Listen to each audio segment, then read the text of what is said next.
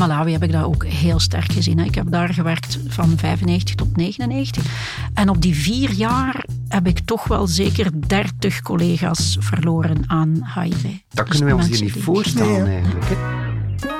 Welkom bij de podcast Positief. Het verhaal van twee Gentenaars die leven met HIV. Laurence. En Christophe.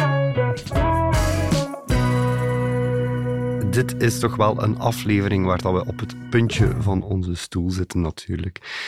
We zijn alle twee internationaal bezig. Jij in Afrika gewoond. Ja, vooral in Mozambique eigenlijk, maar ook in Malawi. Ja, ik heb altijd gewerkt in de sector van internationale solidariteit. We kunnen zeggen dat het internationale net als HIV door ons bloed stroomt natuurlijk. Dat is hè. zo. We hebben daarvoor een eh, geweldige gast uitgenodigd, Marleen Temmerman. Welkom. Moeten we de naam en de persoon nog introduceren eigenlijk? Ik denk dat dat voor de meeste mensen niet moet, maar de jonge, de jeugd van tegenwoordig misschien toch wel. Alleen voor de jonge mensen. Wie is Marleen? Voilà. Marleen Temmerman, eerste vrouwelijke prof in de gynaecologie in België. Lang gewerkt in het UZ Gent, maar ook altijd internationaal bezig geweest. En dus werd toen uitgenodigd door Peter Piot, het Tropisch Instituut. Die zei, heb jij zin om eh, naar Afrika te gaan, naar Kenia, voor twee jaar, om een onderzoeksproject te leiden naar, kan, eh, ongelooflijk, de eerste vraag was, kan een vrouw besmet worden met het HIV-virus? Amai. Maar ja, dat wisten we niet in het begin van de jaren tachtig. Want het waren alleen homoseksuele mannen in eh, de eerste gevallen. Zo. Amai. Heel boeiende tijden, zeer moeilijke tijden. Want je doet dat onderzoek, maar wat kan je bieden aan die vrouwen? Niks. Het ging ook gepaard. En wat zo'n vrouw komt voor prenataal onderzoek naar de materniteit. Wij vragen dan heel netjes, wilt u deelnemen aan het onderzoek naar HIV? Niemand, er was geen woord in Swahili voor HIV. Mijn verpleegster die vroegen, we gaan bloed nemen voor kitu kidogo. Swahili voor een klein dingetje. Een klein dingetje. Oh, maar het virus, een virus is iets Het kleins. is niet heel klein heel natuurlijk, maar wel met een grote impact. Amai. Voilà, dat was zo die tijd. Dat is allemaal veel veranderd ondertussen. Dankzij het onderzoek, de geneeskunde, de middelen, de medicijnen die ontdekt zijn, is er enorm veel vooruit gegaan. De naam is al gevallen, Peter Piot. Ja. Misschien even duiden, wie is Peter Piot voor de mensen die die niet kennen of niet zouden kennen? Ongelooflijk, hè? ik denk altijd dat iedereen Peter Piot kent, maar eh, Peter Piot is werkelijk een pionier, oud-student van de Universiteit Gent, die dan altijd gewerkt heeft in infectieziekten. Ebola in de tijd, HIV, prof microbiologie aan het Tropisch Instituut in Antwerpen, maar later is hij naar de Wereldgezondheidsorganisatie gegaan en ook heeft eigenlijk UNAIDS opgericht. En door zijn werk is er eigenlijk ook veel veranderd. Want toen men begon hier te werken aan antiretrovirale middelen, werd het al duidelijk dat de werkelijke, de ramp, de grote epidemie was eigenlijk in Afrika. En toen, dat was zo begin van de jaren negentig dan, ik was daar ook aan het werk en ik dacht zo, ja, ze zijn daar weer medicamenten aan het testen die alleen voor het Westen zijn, niet voor ons hier. Ja. Gelukkig had ik ongelijk, door het werk van Peter en anderen. Dus wat hebben ze gedaan eigenlijk? Iedereen rond de tafel, niet alleen overheden, onderzoeksinstituten, donoren, iedereen, ook de privésector. En nadenken van hoe kunnen we de prijs verminderen door het volume te verhogen. Ja. Dus er is heel veel gebeurd op onderzoeksgebied, maar ook dankzij activisme. Hoe kunnen we die prachtige resultaten dan ook omzetten in daadwerkelijke behandelingen voor iedereen? Dankzij het harde werk dat daar ook over geleverd is natuurlijk, precies. hebben we daar een evolutie kunnen maken. Ja, Marleen heeft eh, net verteld dat ze in Kenia haar onderzoek is begonnen, maar dan ja, rond 92 ben je naar België teruggekeerd om dan kort daarna het International Center for Reproductive Health opgericht te hebben, Marleen. Ja, En als wij elkaar leren kennen hebben, dat was in Mozambique. Weet je nog, Marleen, wanneer dat, dat was? mm, ik denk zo begin van het jaar 2000. Ja, rond 2004, Vier, denk ja. Maar ik heb haar alleen pas echt heel persoonlijk leren kennen. Ja, in 2007, hè, als ik zwanger was. Ik had net mijn diagnose gehad van HIV. En een maand later kwam ik naar België, eigenlijk op bezoek. Maar ik was vooral bezorgd hoe het met mijn zwangerschap ook eh, zou lopen. Hè. En zie je mij daar nog toekomen in de P3, Marleen? Inderdaad. Je hebt toen wel de doos Kleenexen mogen bovenhalen. hè, van, ik zat daar van... "Buh, Marleen, Ja. ik ben Ik HIV-positief. ben HIV-positief, ik ben zwanger, wat Ja. moet ik doen? Enzovoort. Nu, je was niet de enige in Laurence, maar ondertussen zoveel mensen al. Maar uh, ja, dus Marleen was eigenlijk wel een van de eerste mensen uh, die van mijn status heeft geweten. En er voor de rest ook altijd heel discreet uh, over geweest is, uiteraard. en dan eigenlijk eens die zwangerschap ja, succesvol afgerond was, zal ik zeggen. En mijn dochter geboren is. dochter Voilà. De succesvolle afronding van de zwangerschap, ook wel de geboorte genoemd. Ja. ja. Sorry. En uh, kort daarna um, was ik eigenlijk op zoek weer naar een job. En als bij toeval was Marleen op zoek naar iemand hè, voor Universiteit Gent in Mozambique. Want dus Marleen had het project rond net het topic HIV, reproductieve gezondheid, maar op een multidisciplinaire manier. Helemaal toevallig kan dat niet zijn. Nee. er bestaat zoiets niet. Dat is niet toevallig. Dat is de bedoeling. Voilà, dus het was logisch dat we daar uiteindelijk Israël Mozambique samen toch hebben opgericht. Maar je hebt daar lang en fantastisch werk gedaan. Dankjewel, Marleen. En daar heb ik dus vijf jaar in gewerkt. Hmm. En dan heb je daar niemand iets verteld over je HIV-status? behalve Marleen wist niemand dat. Ik blijf dat fascinerend vinden. Hè. Dat is zo... ik, ik je werkt in de topic, je bent daar rond bezig. Iedereen kent daar alles van, bijna. Maar ook voor mij was dat soms confronterend, hè, van die onderzoeken daar rond enzovoort. En je hoort soms mensen ook ja, een aantal zaken zeggen, maar ik zat daar en uh, niemand wist dat. En ik denk dat bij het beluisteren van deze podcast een aantal mensen de ogen nog gaan opentrekken die nog niet weten. Nu weet iedereen het. Ja, ja.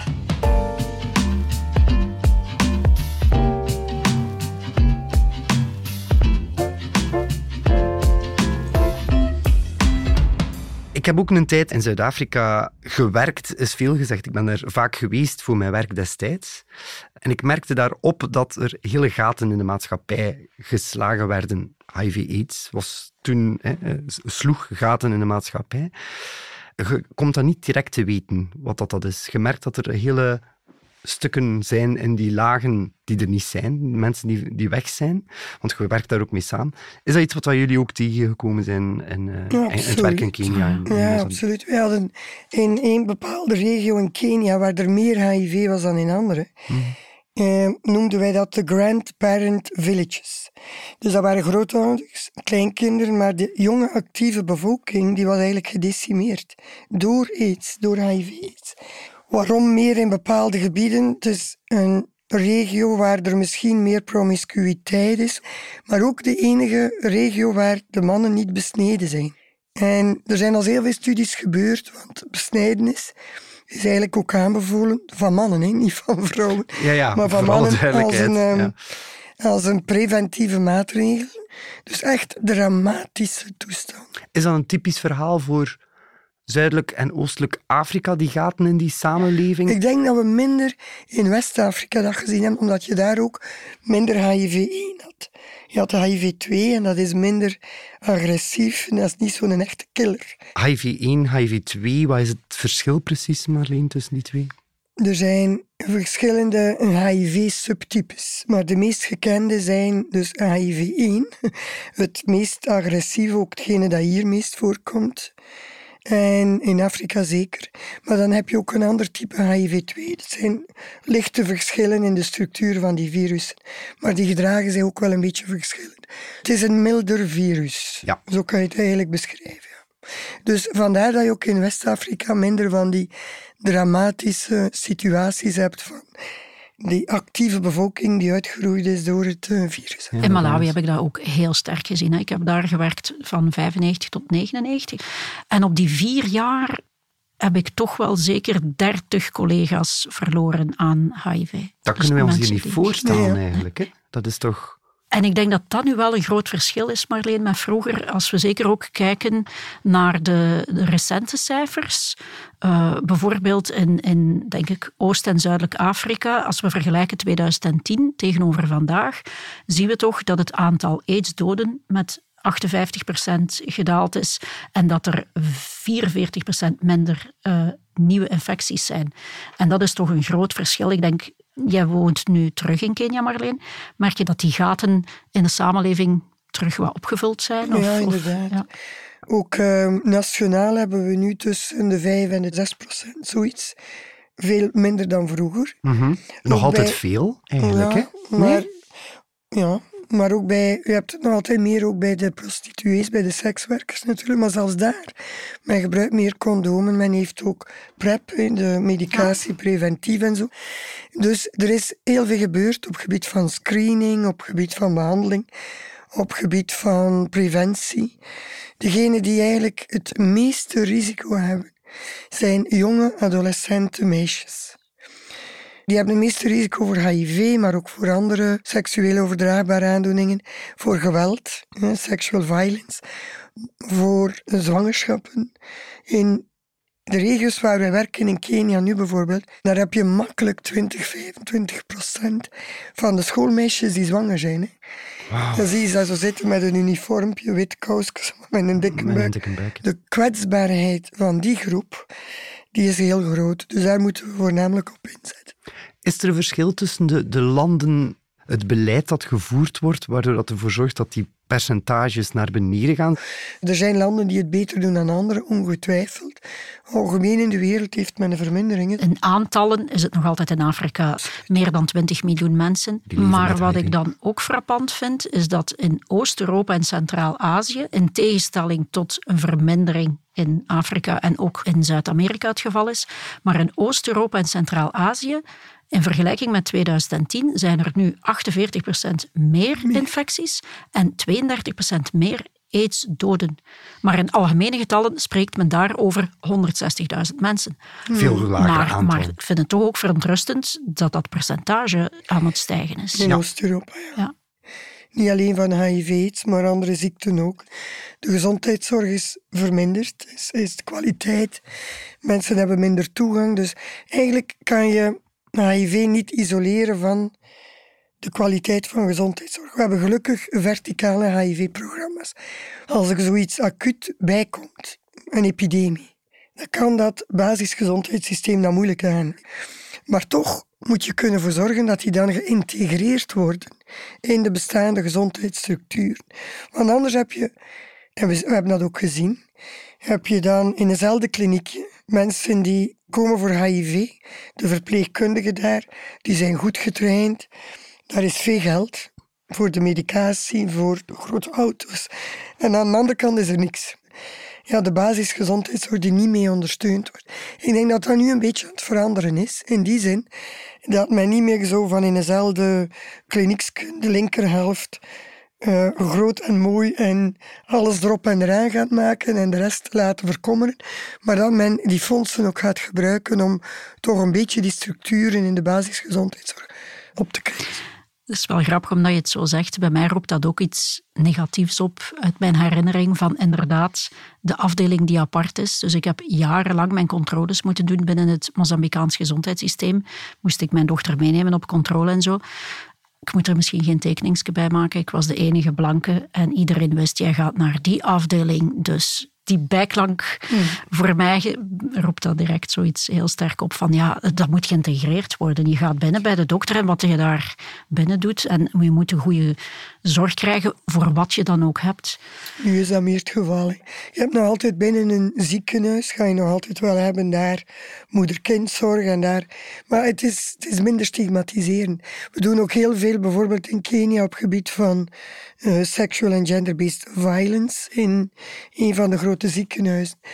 Omdat dat zoveel voorkomt, gaat men dikwijls een centrum oprichten en met een plakkaat aan de buitenkant van rape clinic of zoiets, dat werkt niet. Nee, dat is niet echt hoe dat het... Uh, nee, als men dan binnenkomt in een ziekenhuis en dan men zegt van kijk, daarvoor moet je daar gaan, moet eigenlijk wel echt geïntegreerd zijn. Ja. ja.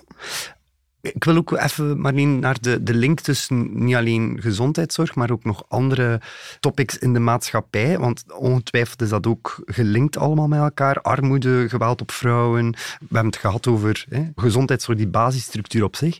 Moeten we daar ook nog niet breder durven kijken? Tuurlijk. Maar het is zoiets, het is heel breed. Maar ik denk, oh, oh, men vraagt mij regelmatig, wat is nu de prioriteit? Wat moet er eerst gedaan worden? En ik denk dat dat veel dingen zijn, maar bijvoorbeeld verplichte scholing hm, van jongens en meisjes. Dat is in veel landen altijd niet het geval. Kenia werd gezien sinds dat meisjes ook verplicht naar de lagere school moeten. Die jonge dames, die werken hard. soms meer dan de jongens. Die, eh, heel veel daarvan gaan dan ook, dus die beschermen zichzelf tegen zwanger worden op de leeftijd van 12 jaar of zo, child marriage. Maar dus als je die jonge vrouwen de kans geeft om lagere school en dan verder door te stromen, dat is een enorme verandering. 30 jaar geleden kon je amper, ze durfden je niet aanspreken en zo. Nu is dat werkelijk discussie, ze zijn goed gevormd, ze denken na over dingen, ze laten zich niet doen. Dus ik denk, investeren in educatie in het algemeen en zeker van meisjes en vrouwen is zeer belangrijk. Ten tweede denk ik dat we ook moeten steunen. Landen die hun middenklasse meenemen. Want in al die landen heb je een enorm verschil tussen heel rijk, ook heel corrupt en dat is allemaal waar hier bestaat dat ook, maar ik bedoel, heel rijk en dan heel arm. Maar landen die, ook, die erin slagen van de middenklasse mee te nemen van werk, meer mensen die een job hebben en die, zoals onze vaders en moeders werkten om ons de kans te geven naar school te gaan, naar de NIF te gaan, dat is nu aan het gebeuren. En ik moet zeggen, bij ons bijvoorbeeld, waar ik nu werk, aan de HKN Universiteit, zijn er meer vrouwen dan mannen in leidinggevende posities. Eindelijk. Professoren, ja. Maar Het werd meer, tijd. meer dan in Gent, hè. Ja, ja, ja. ja, is ook meer dan in onze universiteit. Dus je ziet echt... eh, Het is ook in, in Rwanda zeker, Ik dat in het parlement... zeggen, in eh, Rwanda zijn er meer vrouwelijke parlementsleden dan het is het land met hoogste aantal. ja, Ik denk ook een van de zaken, we hebben het inderdaad over de samenhang met algemene zaken in de samenleving. En ik denk dat het, om preventief bijvoorbeeld te kunnen aan de slag te gaan, moet je ook een toekomstbeeld hebben. Ik herinner mij, zeker in, in mijn beginjaren in Malawi, wij reden in een, in een enorm droog afgelegen gebied. En we zaten de hele dag in een auto met vier mensen van het ministerie. En uiteraard praat je ook over HIV en preventie. En, bedoel, het wordt zo gemakkelijk van in het Westen te zeggen van "Allee, waarom gebruiken ze nu geen condooms? Het is nu toch simpel om het te vermijden. En ik herinner mij een van de zaken dat die man zei in een auto van ja, hoe gaan wij nu... Mensen hebben niks van vooruitzicht in hun leven. En het enige waar zij plezier aan hebben, dat gaan we nog een keer afnemen. Want we gaan hun zeggen, je moet een condoom gebruiken. En hij zei, laat ons nu toch eerlijk zijn, van een condoom gebruiken, het is gelijk dat je gaat douchen met een paraplu. hè. Van, Dat is typisch een man ook die dat zegt. dat ook wel, ja, natuurlijk. Ja. Nee, maar, maar het was wel zo van, als jij dagdagelijks bezig bent, als je niet weet of jij de volgende dag nog eten gaat hebben, of jij Ja, ja. morgen denkt, laat staan dat je denkt, ik ga een ziekte proberen vermijden die mij binnen een paar jaar ziek kan maken. Is condoomgebruik, was dat het centraal punt ook in Afrikaanse landen van, om, de, Goh. om de epidemie te stoppen? Of? Tuurlijk. Ik bedoel, een van de belangrijkste maar is te zien wie, wie er aan het babbelen was. De A van abstinentie. hè. Dus zeker religieuze en de kerkelijke eh, groepen die bleven maar abstinentie prediken. Onthouding. En die Want als je geen samen met seks... de B. Ja. Be ja. faithful. Ja. De ABC van preventie. Terwijl dat bij ons toch- Abstinence, be faithful, condom. Toch bij Van- ons de condoom toch op Doe de het eerste gewoon plaats niet, heb geen seks. Ja. Als de seks echt moet hebben, heb het dan altijd met dezelfde. En als dat ook niet lukt, gebruik dan een condoom. Terwijl bij ons in het preventiewerk condoom toch helemaal vooraan staat. Hmm. Denk ik. Nee? Maar het is ook te zien ja, met wie dat je praat in Afrika. Want ik denk dat als je kijkt naar de National Guidelines, is het ook wel condoomgebruik en zo. We hebben het ook al over eh UNAIDS gehad, natuurlijk, met Peter Piot. Maar die hebben een strategie om AIDS en HIV de wereld uit te helpen. Wat is daar de bedoeling precies van? En tegen wanneer moet dat allemaal eh, rond zijn? Nu dan wat over het globale kader. 95-95-95-strategie is dus de bedoeling dat 95% van mensen die drager zijn van het HIV-virus het ook weten. Dat daarvan 95% toegang heeft tot behandeling. En dat die mensen die de behandeling nemen 95% therapietrouw zijn. Zo is het toch, hè Marleen? Ja, perfect. Maar Het was joh, eerst alle 90, punten, dat alles. 90, 90, 90, maar dat is nu opgedreven. Ja. Maar goh, we En zijn halen we dat? Halen we dat, die cijfers? Goh, in sommige situaties misschien wel, algemeen niet, denk ik. Omdat, maar dat is ook niet... Dat is, dat is eigenlijk... ehm, men gaat die doelen altijd zeer eh, hoog stellen. Ambitie. Ambitie zeer hoog om dan toch iets te bereiken. Zoals gezegd, 60, 60, 60 is ik had Dat is niet goed genoeg meer. nog niet goed genoeg. Ah, nee, Dus- ja. En ook om het te kunnen beëindigen, moet je natuurlijk ook de doelstellingen hoog stellen om, om vooruitgang te kunnen boeken, natuurlijk. Hè. We zien nogthans vorig jaar, ik heb hier nog de cijfers van 2022, eh, 1,3 miljoen newly infected. Maar goed, regionale Wereldwijd, verschillen, hè? ja. wereldwijd. Hè? Wereldwijd. hè? Regionaal grote verschillen. Meest maar, in eh, Afrika. ja, maar goed, eh, dat is toch nog altijd heel veel mensen die erbij komen. Maar goed. is, Maar als die mensen, want 1,3 miljoen is veel en meer misschien dan vroeger, omdat er meer gescreend wordt. Als die dan ook allemaal behandeling krijgen Ja, en, en hun behandeling goed nemen, ja. dan, dan is dat... Dus gelijk dat je zegt van ja, het aantal mensen met een hoge bloeddruk of met diabetes neemt toe. Men gaat er meer naar screenen, men gaat de diagnose stellen. Dus je moet altijd die cijfers in de context zien. Absoluut. Vroeger wisten we misschien van veel gevallen niet, dus en dan weten we het nu wel. Hebben wij nog vragen, Laurence? We hebben nog zoveel te vertellen over het hele internationale verhaal, maar goed. Hè? Ik heb nog een vraag aan Laurence, als ik Ah, absoluut. Laurence, ik zat mij zo af te vragen in de voorbereiding van dit. Dus al die jaren heb je niks gezegd.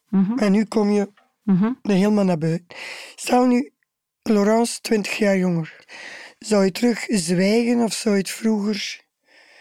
Het is moeilijk natuurlijk, Het want is het is in de heel moeilijk te het beantwoorden, want ja, ik heb er zelf zo lang moeten over doen om het voor mezelf, denk ik, te aanvaarden. En de tijdsgeest is veranderd. Ja.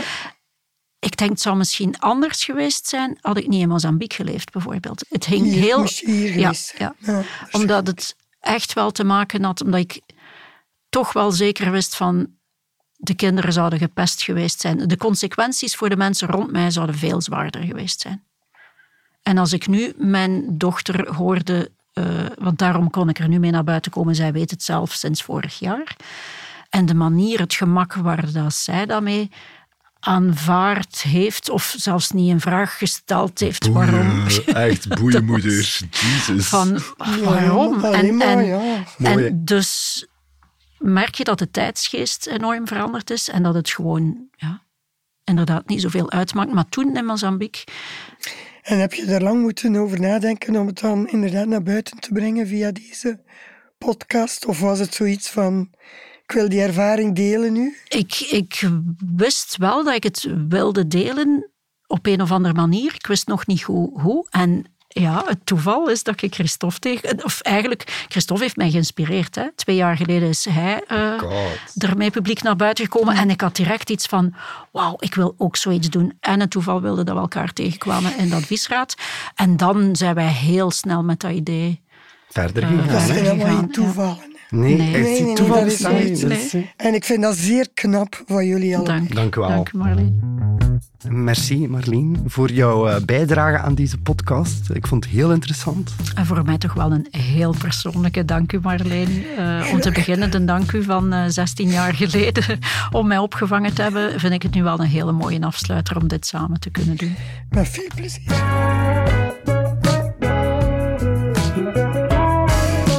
Wil je meer weten over HIV? Check dan www.sensua.be/hiv.